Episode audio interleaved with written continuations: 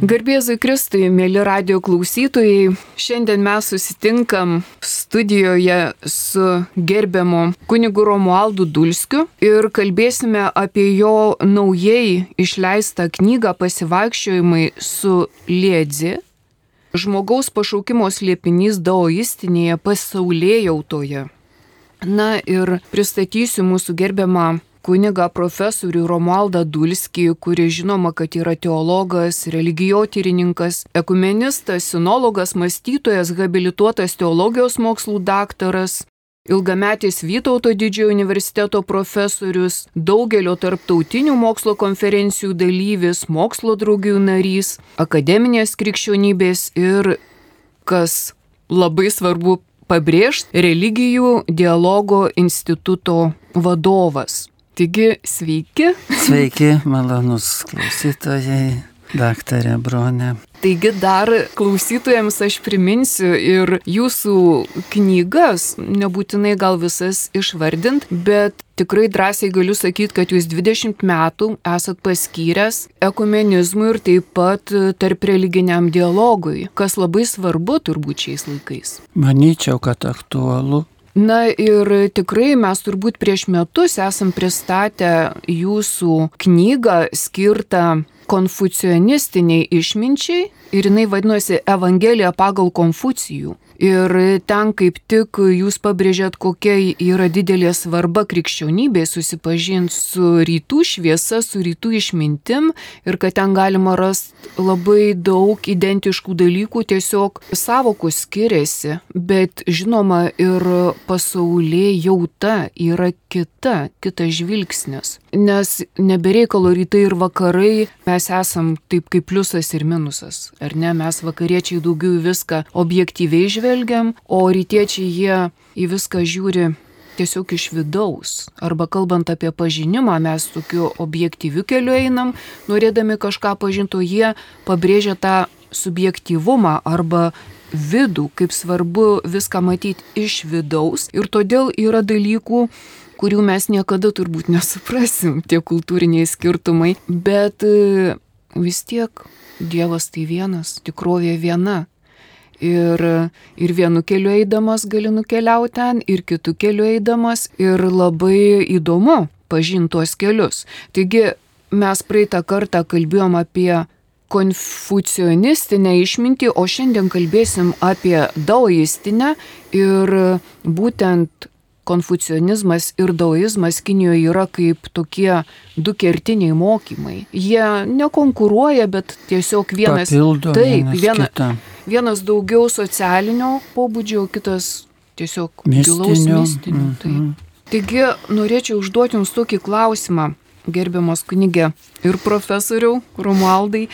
Kodėl Jūs pasirinkot būtent daoizmą, kodėl Jums atrodo svarbu vakariečiams pristatyti šitą išminties liniją?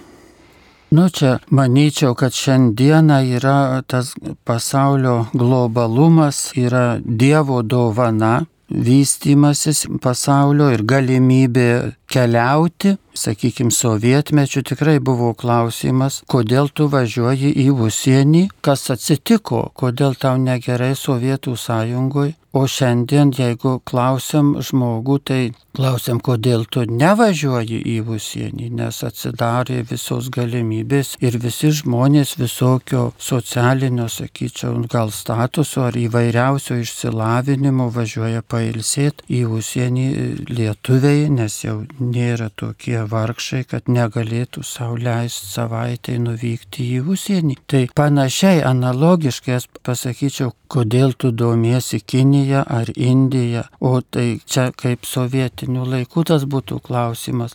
Šiandien turėtume sakyti, o kodėl tu nesidomi, nes tai yra tas pat pasaulis, kurį važiuoji, susitinki, kiti žmonės daugybė, reiškia, aplanko tas šalis. Aišku, jie gal nėra tokie filosofai ar religijotyrininkai, bet labai natūralu, kad šiandieną mokslas apriektų viso pasaulio aktualijas, filosofija, sakykime, nebūtų tik europinė filosofija, bet būtinai jie apriektų ir kinišką ar Azijos filosofiją, taip pat ir teologija arba religijotyra. Tai čia tiesiog natūralus dalykas yra šiandieną, kad mes susidurėme, susitinkame tuos žmonės, ar net gatvėje gatvėje, galim sakyti, užsieniečius, ar nuvykstame, nes tai tiesiog taip natūralu, ar dar labiau natūralu susitikti tas idėjas, tai dar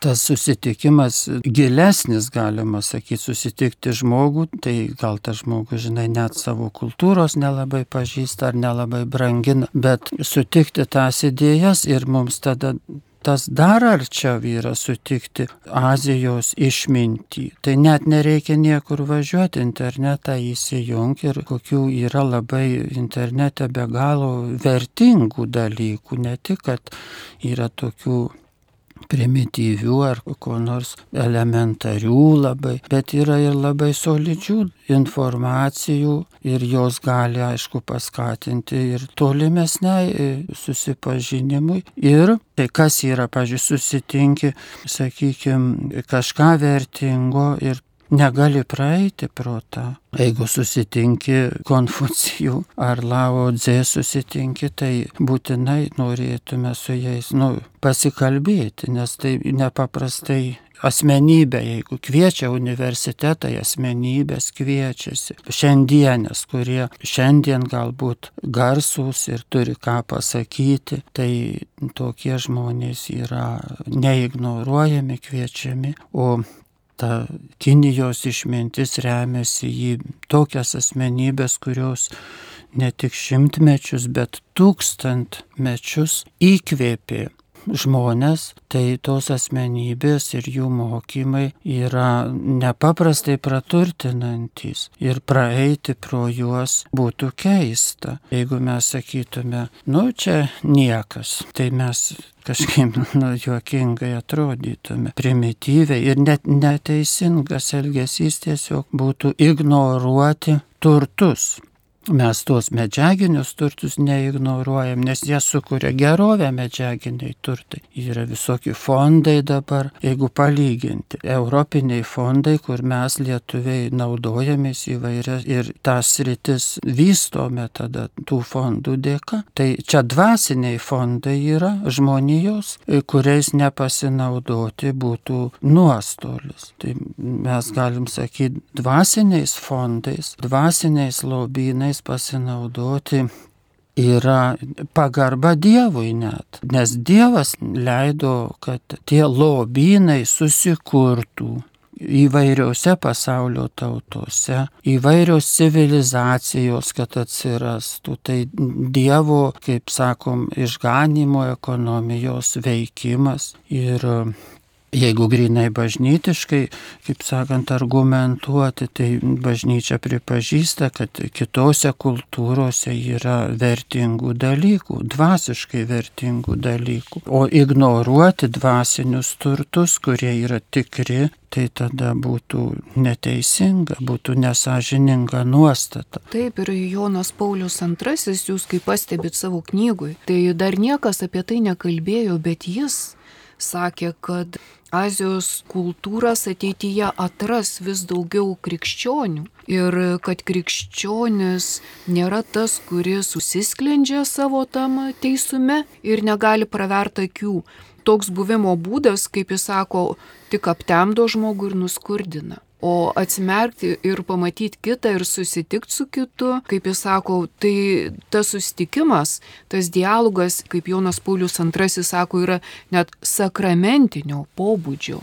Kitaip tariant, išganingo pobūdžio, už tai, kad skatina tą dvasinę žmogaus brandą. Pažindami kitą mes geriau pažįstam save.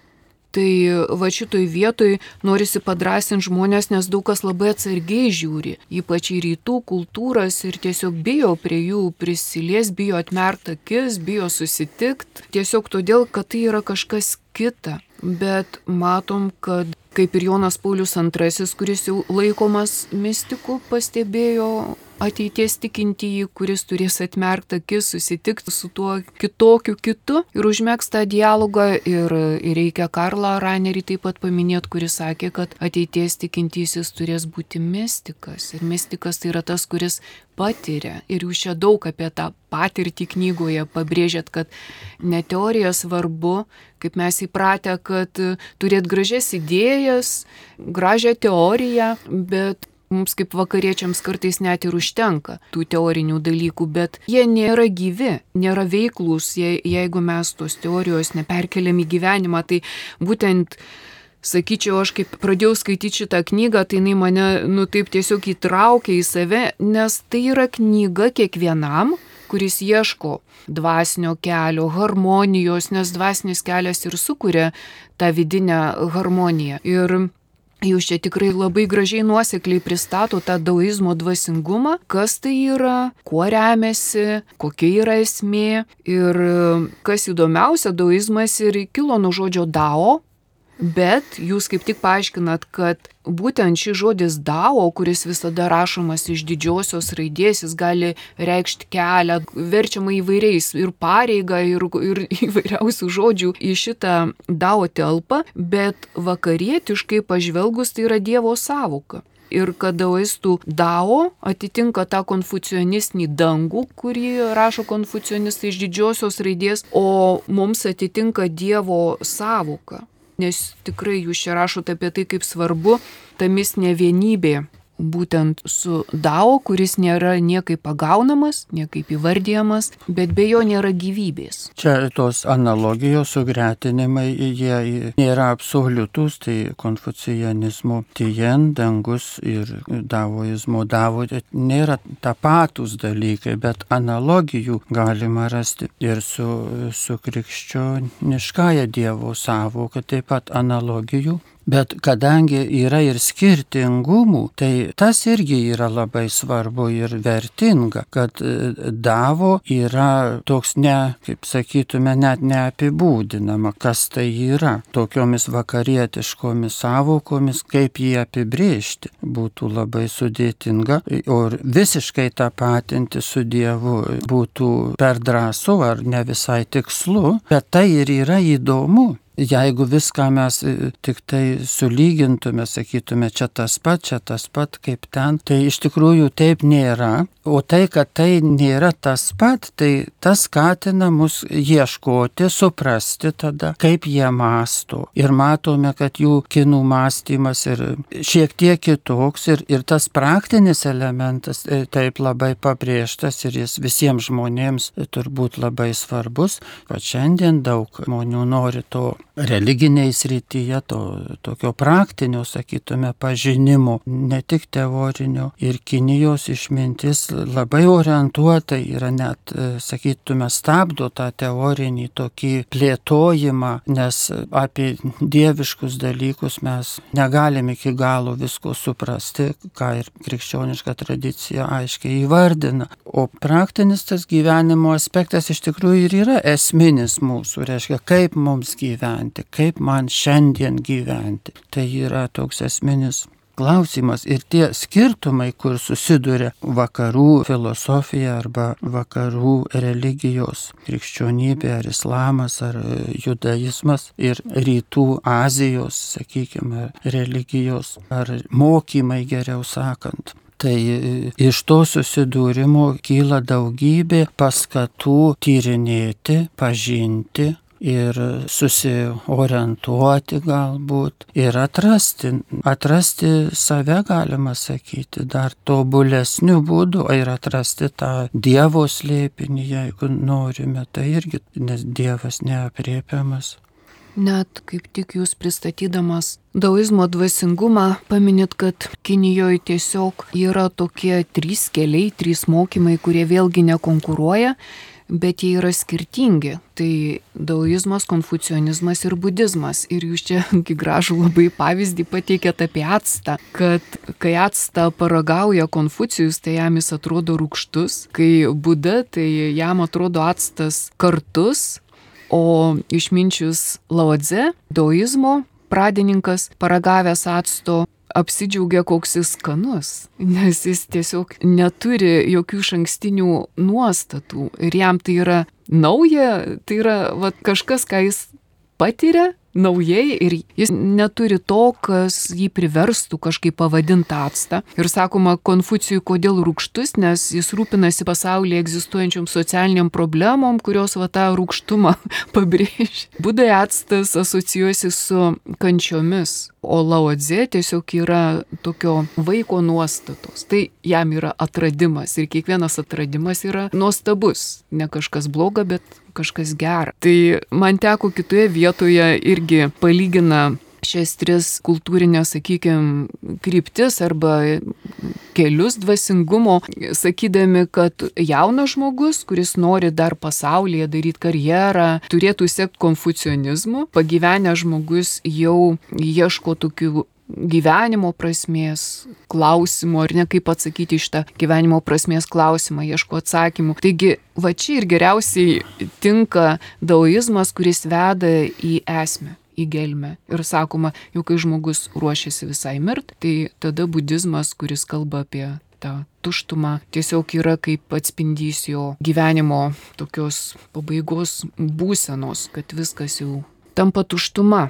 Taip, bet čia toks vėl, kad neliktų toks įspūdis, žinai, kad paraidžiui tą nepriimti, nes čia tam tikras, e, nu, bandymas kažkaip, žinai, išreikšti, bet iš tikrųjų ir konfucijanizmas, ir davoizmas mūsų aptariami, ir budizmas savo ruoštų yra labai sveiki dalykai pažinti jaunystėje. Mums ir, sakytume, net juos kažkaip įsigilinti į tas, nes čia yra ne tiek religija, bet filosofija, kaip ir pats budizmas sakoma, kad tai yra filosofinė iš tikrųjų sistema, mokymas ir apie konfucianizmą ir daoizmą. Taip pat reikėtų visų pirma, ir aš noriu tą pabrėžti, kad tai yra tiesiog išminties mokymai, mokymai kaip išmintingai gyventi. Ta prasme, jie niekaip nekonfliktuoja su krikščionybė kaip išminties mokymai arba kaip filosofinės sistemos, nes jokia filosofija nėra priešinga savo esme Dievo apreiškimui ar krikščionybei, krikščioniškai religijai. Tai ir labai sveika iš tikrųjų mums ir jaunystėje pažinti tuos dalykus, arba kai kurias, aišku, visko negalima priepti. Ir, bet savo ruoštų galbūt irgi galim pasakyti, kaip krikščionybė yra begalinis lobynas ir mes jaunystėje negalim išsemti visos krikščionybės. Ir per visą gyvenimą net, kad mes ir semt nelabai viena vertus tokį turim ryštą kur rasi žmogų, kuris taip iš tikrųjų norėtų panirti į Dievą. 18 metų ir nebeišnirti iš jo ir norėtų ir mokėtų, kurdamas šeimą, augindamas vaikus, uždirbdamas jiems pragyvenimą, vargdamas visokius galbūt vargus ar gyvendamas socialiniuose konfliktuose, pajėgtų, sugebėtų būti visą esybę paniręs į Dievą, kiek tokių žmonių gali rasti pasaulyje ir tada mes per gyvenimą neišsemiam tų mokymų. Tai aišku, nes jie be galo turtingi, bet šiandieną turbūt globaliame pasaulyje tai mums tikrai verta kažką išmokti ir jaunystėje, ir vėlesnėme amžiuje. Iš viso, ką Dievas mums duoda, iš viso žmonijos turtų. Manau, kad tie skaitytojai tikrai susidurs su tokia savoka vidinė alchemija arba dvasinė transformacija. Ir vėlgi čia gali išsigas galvos, kad čia kažkokia magiška srovė. Taip, labai čia intriguojantis dalykai. Bet va šitoje vietoje aš manau, kad ir Jėzus dažnai magu buvo vadinamas ir jis kalbėjo apie atsivertimą, apie tą vidinę transformaciją, kaip ir daoizme kalbama apie širdies proto perkeitimą. Nes kas yra tas atsivertimas, reikia pakeisti širdį, pakeisti protą, dėl ko Jėzus sakė, žiūrėsite, bet nematysite. klausysite, bet jūs negirdėsite, nes reikia būtent tos vidinės alchemijos. Taip ir Liedzi ir visa daoizmo tradicija, ji labai gerai suvokė tą tokį žmogaus, nu, problemiškumą, kaip mes nenorime to vidinio pokyčio, kaip mes esame įsikibę į, į savo tokius supratimus, įsitikinimus, kurie yra lėkšti, kurie iš tikrųjų nėra mūsų, bet atėję iš aplinkos, paskui mes į juos įsitveriam, jų laikomės ir pragyvename tokį labai paviršutinišką gyvenimą arba tokį nevertingą gyvenimą pragyvename. Ir liedzi ir davoizmo tradicija bando tą išmušti, tą tokį neteisingą įsitvėrimą į netikras vertybės, atverti žmogui akis, kad jisai savo intriguojančiais pasakojimais, savo visokiais tokiais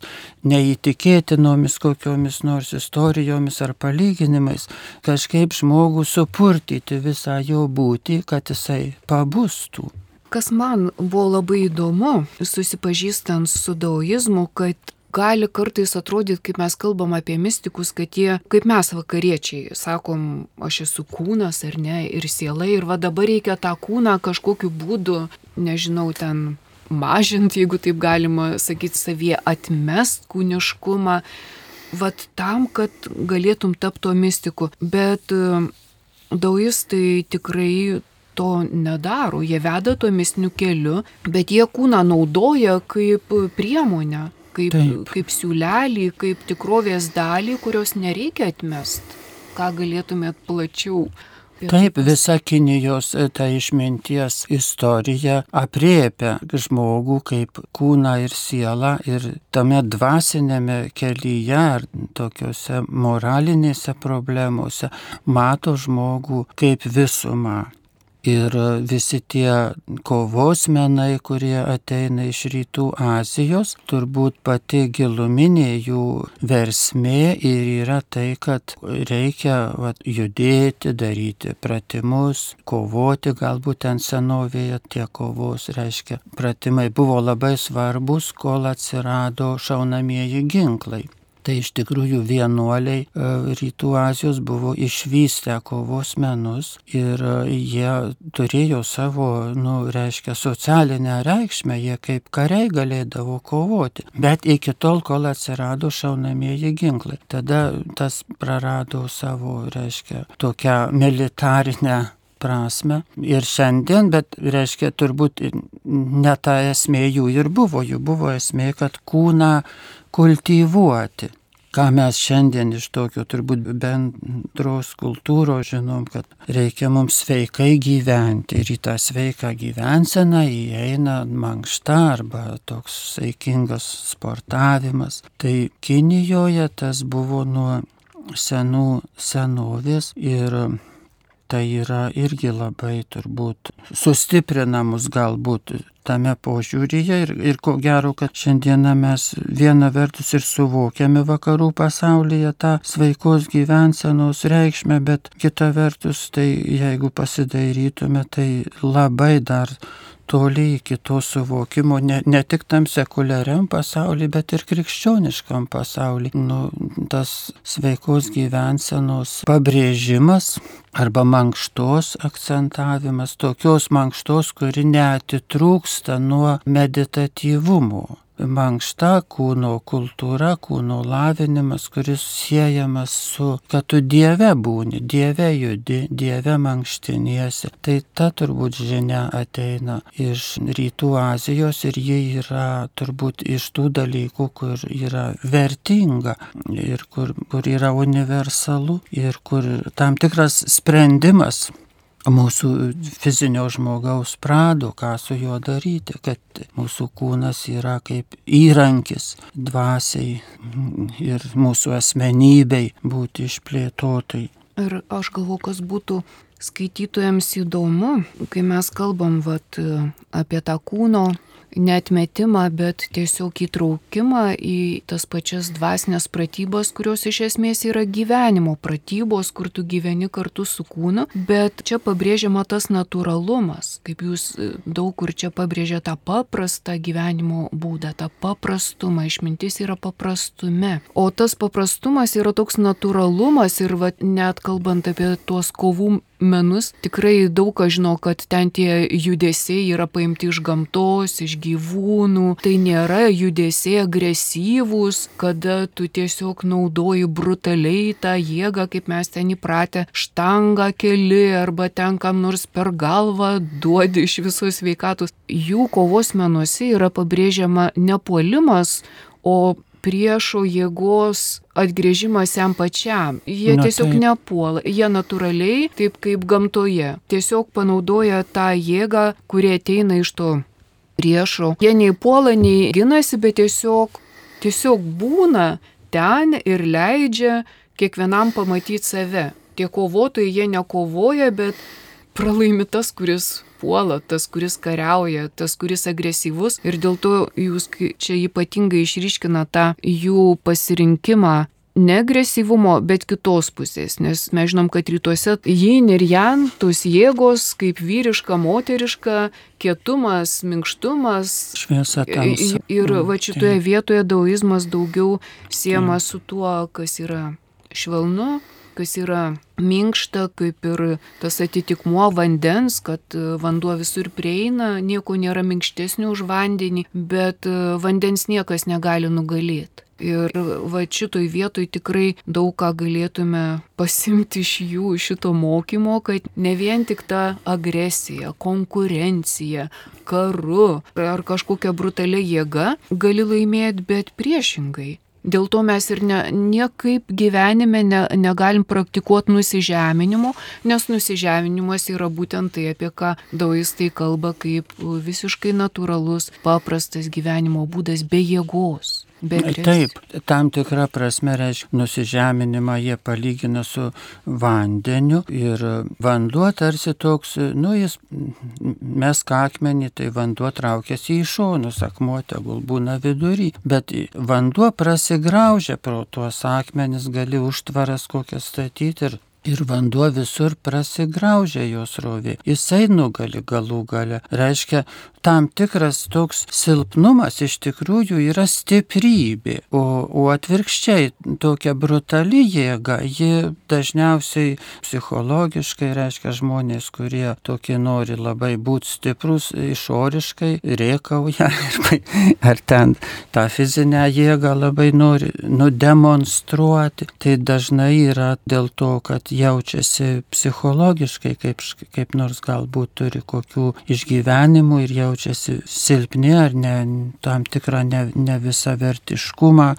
turi. Tai taip, ir čia iš Kinijos išmintis ir žmonijos išmintis tokius mums atskleidžia dalykus, kurie šiandieną turbūt toliau jie gali būti atrandami ir plėtojami. Taip, ir tas meditatyvumas tai iš esmės yra toksai tylos gyvenimas, kaip ir Elijo dvasingume tas švelnus tylos dvelgsmas, bet jisai buvo už tų visų akmenų, už visos tos krušos, už to Taip. triukšmo, kad Dievas yra už, už viso to, kame, kur mes jo negalim ieškoti, bet iš pradžių mes jo ten Taip, tarsi, ta, ty, reiškia, e, tas daoizmas į tą tylą veda ir labai akcentuoja tylą ir paskui tuštumą, kaip liedzy, tikrasis tuštumos mokytojas. Bet, e, reiškia, jeigu taip e, grįžtant į mūsų šiandienį pasaulį, tai mes matome, kad visa kūryba, ką žmonės naujo sukuria, tai iš tuštumos arba iš tylos kyla ar menininkai, tai reiškia, kai jie daro jau menus, tai jau jie būna sugalvoję tyloje, atradę, tuštumoje, ar mokslininkai. Tai mokslas gali būti, reiškia, lyginamas su tuo, kad tu daug išmokęs, daug žinių turi, tai teisybė, bet kita mokslo ir esminė dalis yra, kad mokslas yra tas dalykas, kuris atranda tai, ko nebuvo anksčiau geriau.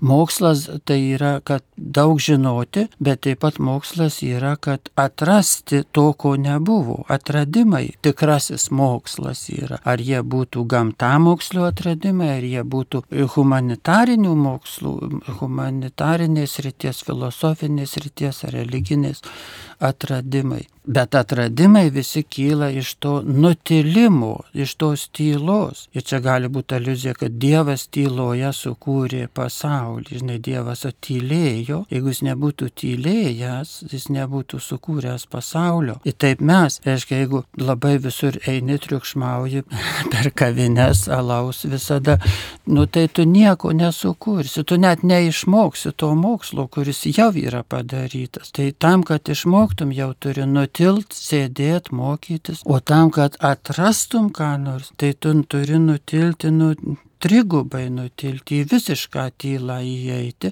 bet toj tyloj, ką ir daoizmas tą labai išryškina va, tą aspektą mūsų žmogiško gyvenimo, kad toje tyloje tada ir gimsta tie didingieji dalykai atsiranda, kurie paskui visi žiūri, o kaip čia žinai, kokios čia vertybės, bet tos vertybės va, iš tylos nes toj tyloj žmogus prisiliečia prie šio pasaulio paslapčių, prie dieviškųjų paslapčių.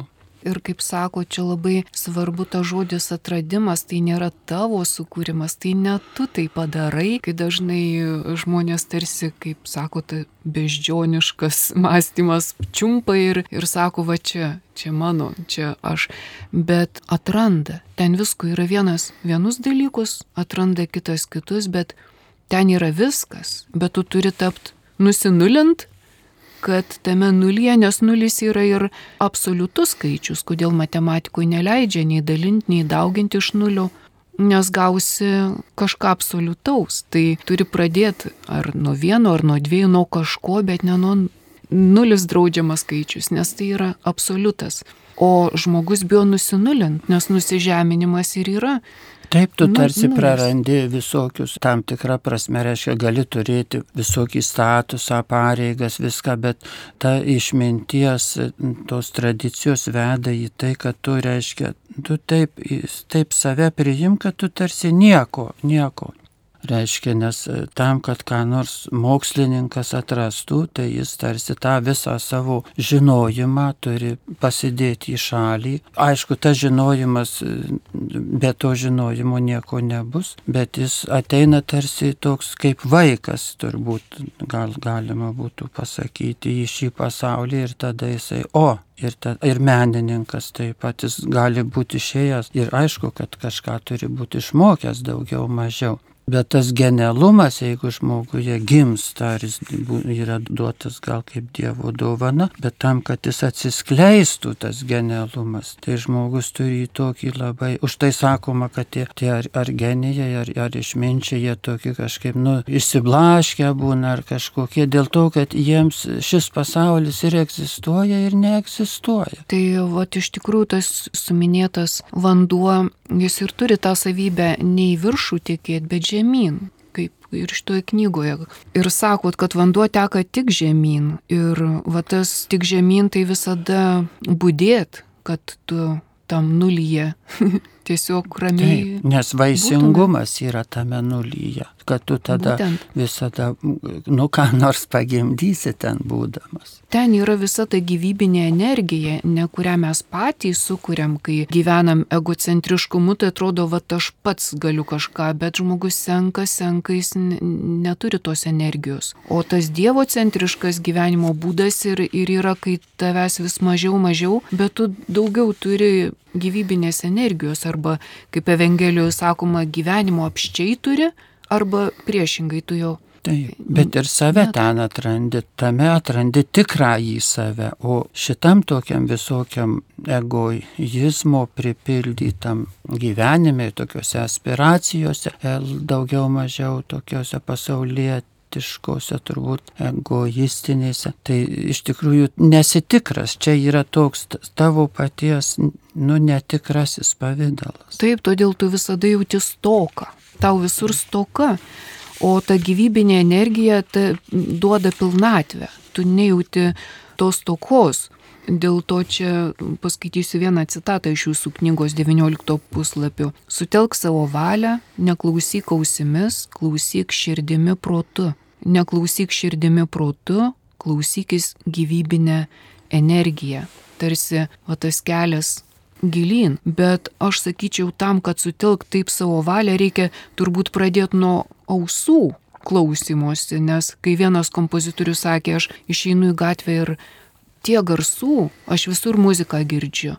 Jis kiekvienam garse, bet šiaip žmogus jis nieko negirdi. Jis girdi tik savo mintis, savo įniršį, savo troškimus, jis negirdi net ausimis jokių garsų, net negirdim, ką kalba kitas žmogus. Tai manyčiau, kad tam, kad taip sutelk savo valią, netgi tas kūniškas ausis reikia tarsi pažadint, akis pažadint, kad mes pradėtume matyti, girdėti, užuost, ragaut, bet mes gyvenam iš inercijos ir gyvenam tik labai egocentriškai, todėl primam tokius dalykus kaip geras idėjas, kaip gražias, bet jos yra kažkur šalia.